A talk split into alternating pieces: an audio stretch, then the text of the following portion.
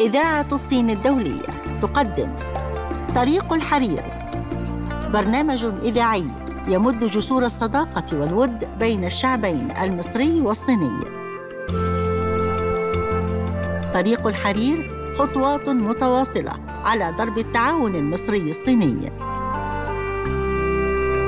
طريق الحرير فقرات منوعة نعرض فيها الثقافة والسياحة والاقتصاد والعادات والتقاليد في مصر والصين. طريق الحرير الصين بعيون مصرية مستمعينا الأعزاء أهلا ومرحبا بكم في حلقة جديدة من برنامجكم طريق الحرير في طريق الحرير نلقي الضوء على العلاقات المصرية الصينية عبر العصور المختلفة. طريق الحرير الثقافة والاقتصاد والمجتمع والسياحه والفنون. جوانب ترابط لا تنتهي ومظاهر حضارية تاريخية. طريق الحرير طريق ممتد بين الحضارة الصينية والمصرية. في طريق الحرير نلقي الضوء على كل الجوانب المشتركة بين البلدين. كل هذا فقط في طريق الحرير. ومعكم في التقديم محمد العربي وإيمان مصطفى.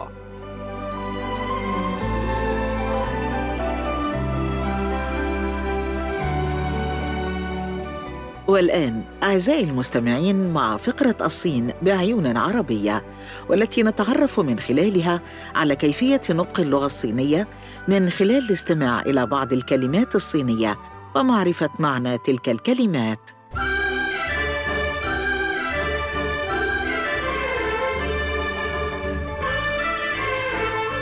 رياضة التزلج على الماء باللغة الصينية تعني 划水 التزحلق على الماء أيضاً أو التزلج على الماء هي رياضة مائية سطحية يتم فيها سحب الفرد خلف قارب أو تركيب تزلج بالكبل فوق مسطح مائي أو قشط السطح على زلاجتين أو زلاجة واحدة. وتتطلب الرياضة مساحة كافية على امتداد سلس من الماء وزلاجة واحدة أو اثنتين وقارب سحب بحبل واثنين أو ثلاثة أشخاص حسب قوانين القوارب المحلية. بالإضافة إلى ذلك يجب أن يتمتع المتزلج بالقوة الكافية للجزء العلوي والسفلي من الجسم والتحمل العضلي والتوازن الجيد. مستمعينا الكرام وصلنا إلى ختام فقرتنا الصين بعيون عربية. فاصل قصير يعود بعده الزميل محمد العربي والفقرة التالية في برنامجكم طريق الحرير فكونوا معنا. وانت ويايا يا ما قلت إن شاء الله. يا حبيبي إن شاء الله تبقى ليا إن شاء الله. وانت ويايا يا ما قلت إن شاء الله. يا حبيبي إن شاء الله تبقى ليا إن شاء الله.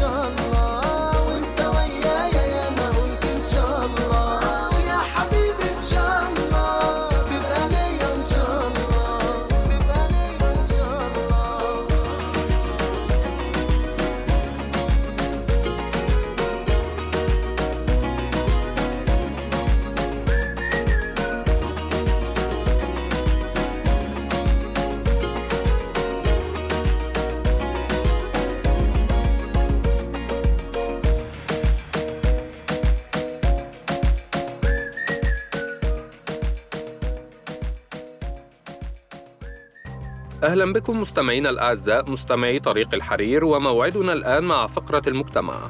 نتحدث اليوم عن تجربة فنانة صينية وفنان مصري مع الخزف. يوجد في مدينة جينغ داتشين المعروفة بصناعة الخزف قصر بني بأكمله من الخزف وقد بنته امرأة تدعى يو آر مي. يبلغ عمرها الآن 91 عاماً. انطلقت يو آر مي في بناء قصرها في سن الثمانين. وأمضت في بنائه ما يقرب من خمس سنوات أنفقت كل مدخرات حياتها لبنائه ويتكون قصر الخزف من ثلاثة طوابق وذلك بمساحة تقدر ب 400 متر مربع لكل طابق ويحتوي القصر على أربعة أوان خزفية مشهورة في مدينة جينغ داتشين وتعد جينغ داتشين عاصمة الخزف في الصين وتحظى بشهرة واسعة في داخل الصين وخارجها. وقد أخذت يوارمي صناعة الخزف منذ سن الثانية عشر عن عمها الذي كان خزافاً حيث كان دائماً ما يصطحبها معه للعمل في ورشة الخزف وسرعان ما أتقنت يوارمي هذه الحرفة وقررت لاحقاً بأن تبدأ مشروعها الخاص وفتحت فرناً للحطب ومصنعاً للسيراميك وبسبب مهارتها الممتازة ونزاهتها في الإدارة سرعان ما وسعت أعمالها وباعت منتجاتها في الخارج. ولم تكتفي بصناعة الخزف فحسب بل وقعت في حب التحف الخزفية بمختلف أنواعها وكانت تشتري كل تحفة خزفية تنال إعجابها وتعتني بها وتحافظ عليها لعقود حتى بلغ عدد محفوظاتها أكثر من ستين ألف قطعة. وفي سن الثمانين قررت يوارمي بناء قصر من الخزف وتكفلت بنفسها بجميع تكاليفه من التصميم إلى البناء وسلمت إدارته للحكومة المحلية. ومن التجربة الصينية ننتقل للتجربة المصرية مع صلاح عمر صانع المشغولات اليدوية من الخزف والتي توارثها أبا عن جد.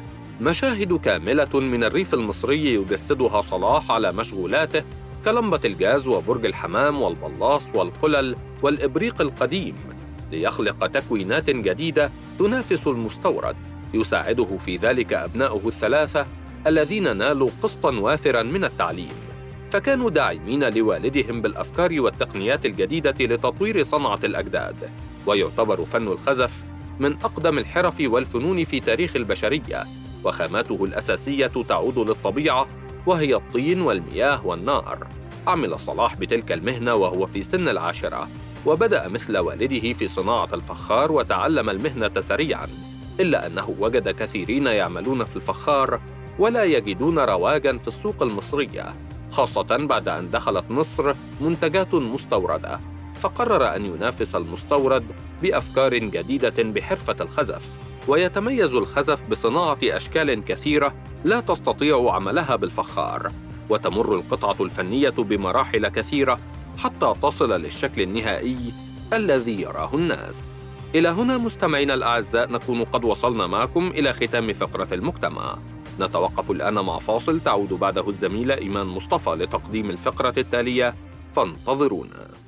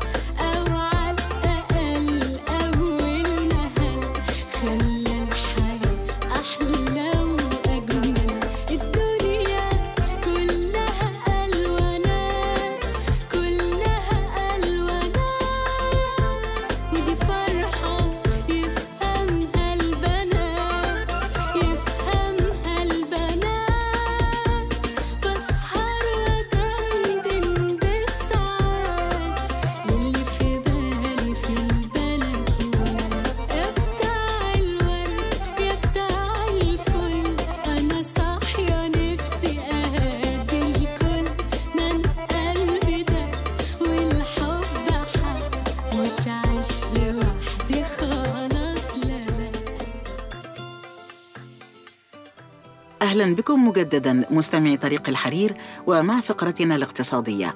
ونتحدث اليوم عن إنتاج الصين تضاعف رغم كورونا ومصر تسير على نهجها. قال عمرو صالح أستاذ الاقتصاد إن إنتاج الصين تضاعف رغم أزمة كورونا ومصر تسير على نهجها معقبا أنه وبعد انتهاء جائحة كورونا من الطبيعي أن هناك طلبا على السلع من المستهلك بعد زيادة اللقاحات وفتح الأسواق من جديد كما أن هناك ضغطا من المستهلكين عالميا والإنتاج كان قليلا بسبب الأزمة وتوقف المصانع وبدأ هناك تضخما في الأسواق. وأضاف أستاذ الاقتصاد أن البترول يعد عاملا رئيسيا في زيادة التكاليف بسبب النقل والشحن وزيادة المحروقات في العالم لافتا إلى أن النمو على مستوى العالم متقلب هبوطا وصعودا ولا يمكن التحكم في الأسعار العالمية ولكن من الممكن التحكم في الإنتاج المحلي. وتابع أن الصادرات الصينية حققت طفرة كبيرة وإنتاجا كبيرا ومصر تسير على نهج الصين. وأكد أيضا أن فخامة الرئيس السيسي يعمل على تعزيز الإنتاج في العديد من القطاعات كما تمتلك مصر موادا خاما للعمل على قيمة مضافة. وقال أيضا إن الصين قوة اقتصادها في الإنتاج والصادرات وتعتبر مصنعا للعالم. وفي الاقتصاد أيضا نتحدث عن إنشاء الصين أكثر من 1.4 مليون محطة قاعدية لشبكات الجيل الخامس. ذكرت وزارة الصناعة وتكنولوجيا المعلومات إن الصين أنشأت ما إجماليه 1.43 مليون محطة قاعدية لشبكات الجيل الخامس حتى نهاية عام 2021 وسط جهود البلاد لتعزيز تكنولوجيا المعلومات والاتصالات. وقالت الوزارة إن الرقم يمثل أكثر من 60% من الإجمالي العالمي مع وجود 10.1 محطة قاعدية لشبكات الجيل الخامس تخدم كل منها 10,000 شخص في الصين أي ما يقرب من الضعف منذ نهاية عام 2020 وفي العام الماضي بلغت استثمارات الصين في شبكات الجيل الخامس 184.9 مليار يوان أي ما يعادل 45.6% من استثمارات الأصول الثابتة في صناعة الاتصالات بزيادة قدرها 8.9 نقطة مئوية عن العام الماضي.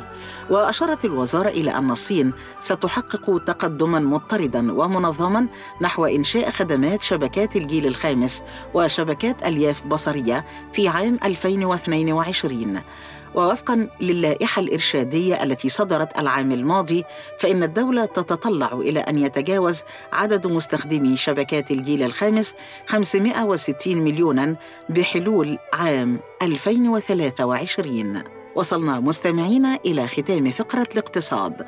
فاصل قصير يعود بعده الزميل محمد العربي والفقرة التالية في برنامجكم طريق الحرير فكونوا معنا.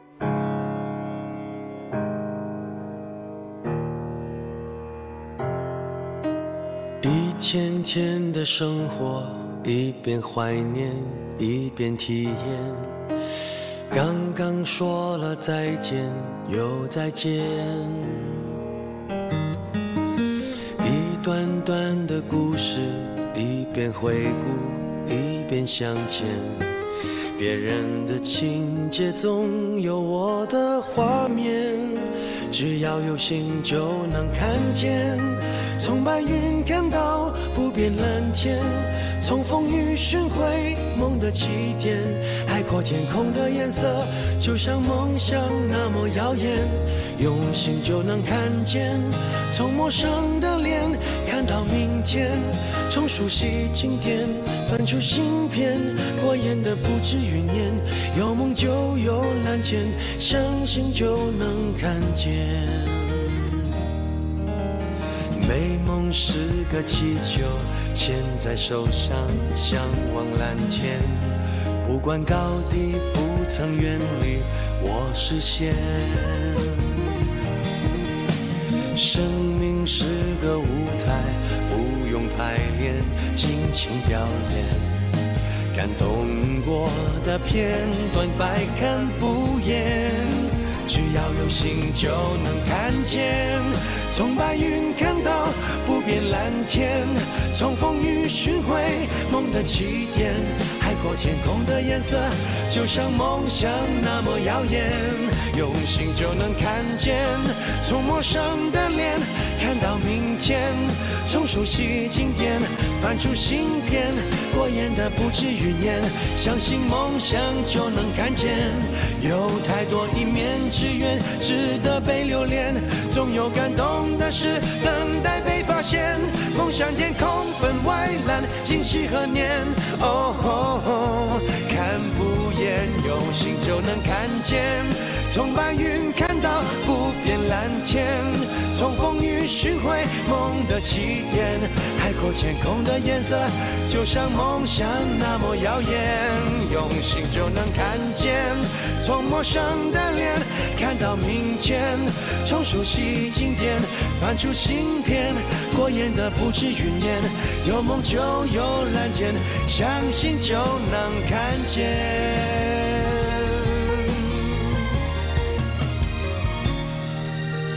美梦是个气球，牵在手上，向往蓝天。不管高低，不曾远离我视线。梦想是个诺言，记在心上，写在面前。因为相信，所以我看得见。أهلا بكم من جديد مستمعينا الأعزاء وموعدنا الآن مع فقرتنا السياحية. واليوم نتجول بين حقول باقوا بالصين وعين خضراء في مصر. في وان فينغ لين تحتضن غابة القمة ذات الجمال الطبيعي سلسلة من قمم الجبال المحاطة بحقول ذهبية اللون وأنهار متدفقة وقرى جذابة وأشجار مورقة وطرق متعرجة. ويمكن أيضا رؤية خيوط الدخان المتصاعدة من مداخن المطابخ أثناء الصباح الضبابي. والحقول عند سفح وان فينغ لين ليس لها تصميم تقليدي وتشبه في شكلها صحنا واسعا مسطوحا وفي وسطها حفرة عميقة تجعل الحقل مثل القمة وتبدو قطع الأرض المزروعة حوله وكأنها رموز باقوا في الفلسفة الصينية القديمة. تحتل رموز باقوا مكانة هامة في الثقافة الصينية لكن أصلها يظل لغزا لم يتمكن أحد من فكه بأدلة علمية حتى الآن. ومع مرور الوقت تزداد تخيلات الناس حول باقوا بل إنهم يرون أن ظهور شكل باقوا يشير إلى أن هذه الأرض محمية بشكل غامض بالقوة الموجودة في الرموز الثمانية ويتمتع السكان المحليون بحياة سعيدة محاطة بالغابات الجميلة وهطول الأمطار التي تروي الزرع وقطعان الماشية. من الصين مستمعينا الأعزاء ننتقل بجولتنا إلى مصر وبالتحديد العين الخضراء. وهي واحة في صحراء جنوب سيناء تتميز بكنوزها التي لا تنتهي. هذه الواحة تقع في الطريق ما بين سانت كاترين ونويبع بمسافة 70 كيلومتراً وتعتبر أحد كنوز سيناء الرائعة. فهي واحة جميلة متفردة في موقعها ما بين الجبال والبحر وبها تكوينات رائعة من الصخور على شكل بانوراما. وتتقابل في قمتها الجبال مع الأشجار والصخور الجرانيتية في منظر رائع يبهر الأنظار. تاريخ الواحة قديم وطويل من أيام الرومان، عندما كانت تمر القوافل من هناك وتمدهم الواحة بمياه الشرب، حيث أنها تتمتع بالكثير من الآبار الجوفية التي تصلح للشرب، فكانوا يعتمدون عليها اعتماداً كلياً في طريقهم إلى روما. الواحة عبارة عن جنة خضراء في قلب الصحراء، لذا سميت بهذا الاسم وهي ممتلئة بالكثير من الطيور والحيوانات والأشجار التي تزيد من روعتها وجمالها حيث بها أشجار النخيل والزيتون التي تحيط بها من كل جانب في صورة رائعة وتلك الطيور التي تحلق في سمائها مثل طائر اللقلق والنسور والصقور والعقاب كما بها حيوانات من أمثال الأرانب البرية والوعول والثعالب والذئاب والقنفذ العربي والفأر الشوكي. ولا تبعد العين عن دهب بأكثر من دقائق معدودة وهي تتميز بجمالها وروعتها في جوها البدوي حيث بها الخيام البدوية التي تستقبل الزوار الوافدين إليها ويجلسون بها في جو من الطبيعة الرائعة مع الهدوء والسكون والبعد عن الصخب والضوضاء. إلى هنا مستمعينا الأعزاء نكون قد وصلنا معكم إلى ختام فقرة السياحة. نتوقف الآن مع فاصل تعود بعده الزميلة إيمان مصطفى لتقديم الفقرة التالية. فانتظرونا. صارت سيرتنا عكل لسان كل الناس عم تحكي عنا. مش عارف بشغلتنا شو عملنا شو سوينا؟ بعمل حالي مش سمعان بس لازم إلك نحنا تركنا نحنا تركنا. نحنا تركنا الناس تحكي عن كيف وآخر همنا معك أنا رقيان أنا معك أنا. ما بتركك لو شو مكان أنا معك أنا. أنا معك أنا رقيان أنا معك معك. ما بتركك لو شو مكان أنا معك أنا.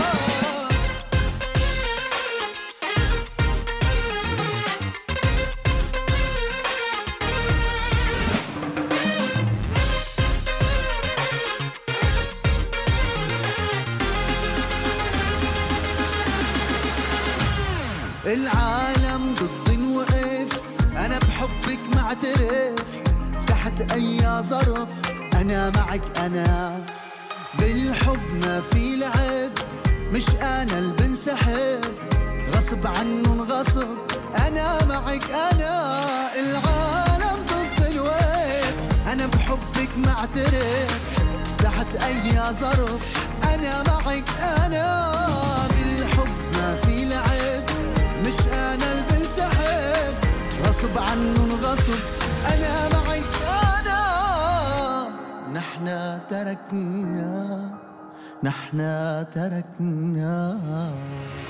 نحنا تركنا الناس تحكي عن كيف وآخر همنا أنا معك أنا. بقيان أنا معك أنا. ما بتركك لو شو مكان أنا أنا. بقيان أنا معك معك. ما بتركك لو شو مكان أنا أنا أنا.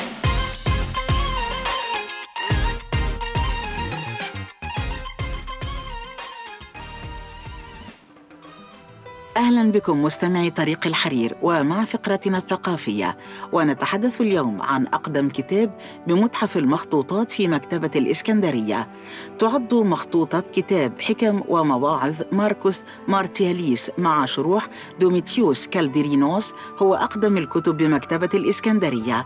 وهو يتكون من مجموعة قصائد ساخرة باللاتينية للشاعر الروماني الهجائي ماركوس مارتياليس والذي ولد بين عامي 38 و 41 ميلادية وتوفي في عام 103 ميلادية. والقصائد عليها تعليقات وشروح كتبها دوميتيوس كالديرينوس المتوفي عام 1477 ميلادية. وهذه النسخة هي الطبعة العاشرة للكتاب وطبعت في البندقية في عام 1482 تتناول هذه القصائد التي يزيد عددها على الألف الحياة في روما في القرن الأول الميلادي ومعاني الصداقة والحياة والموت. وقد أثرت قصائد وحكم مارتياليس إلى حد كبير في الأدب الفرنسي والإنجليزي والإسباني والإيطالي. وقالت الدكتورة نادية الصريف رئيس قسم العرض المتحفي بمكتبة الإسكندرية إن متحف المخطوطات من أهم المتاحف الدائمة داخل مكتبة الإسكندرية والذي يتبع قطاع التواصل الثقافي بالمكتبة. وترجع أهمية هذا المتحف إلى ما يقتنيه من مخطوطات وكتب يرجع تاريخها إلى ألف عام حيث يحتوي المتحف على 120 مخطوطة وكتابا تراثيا قديما.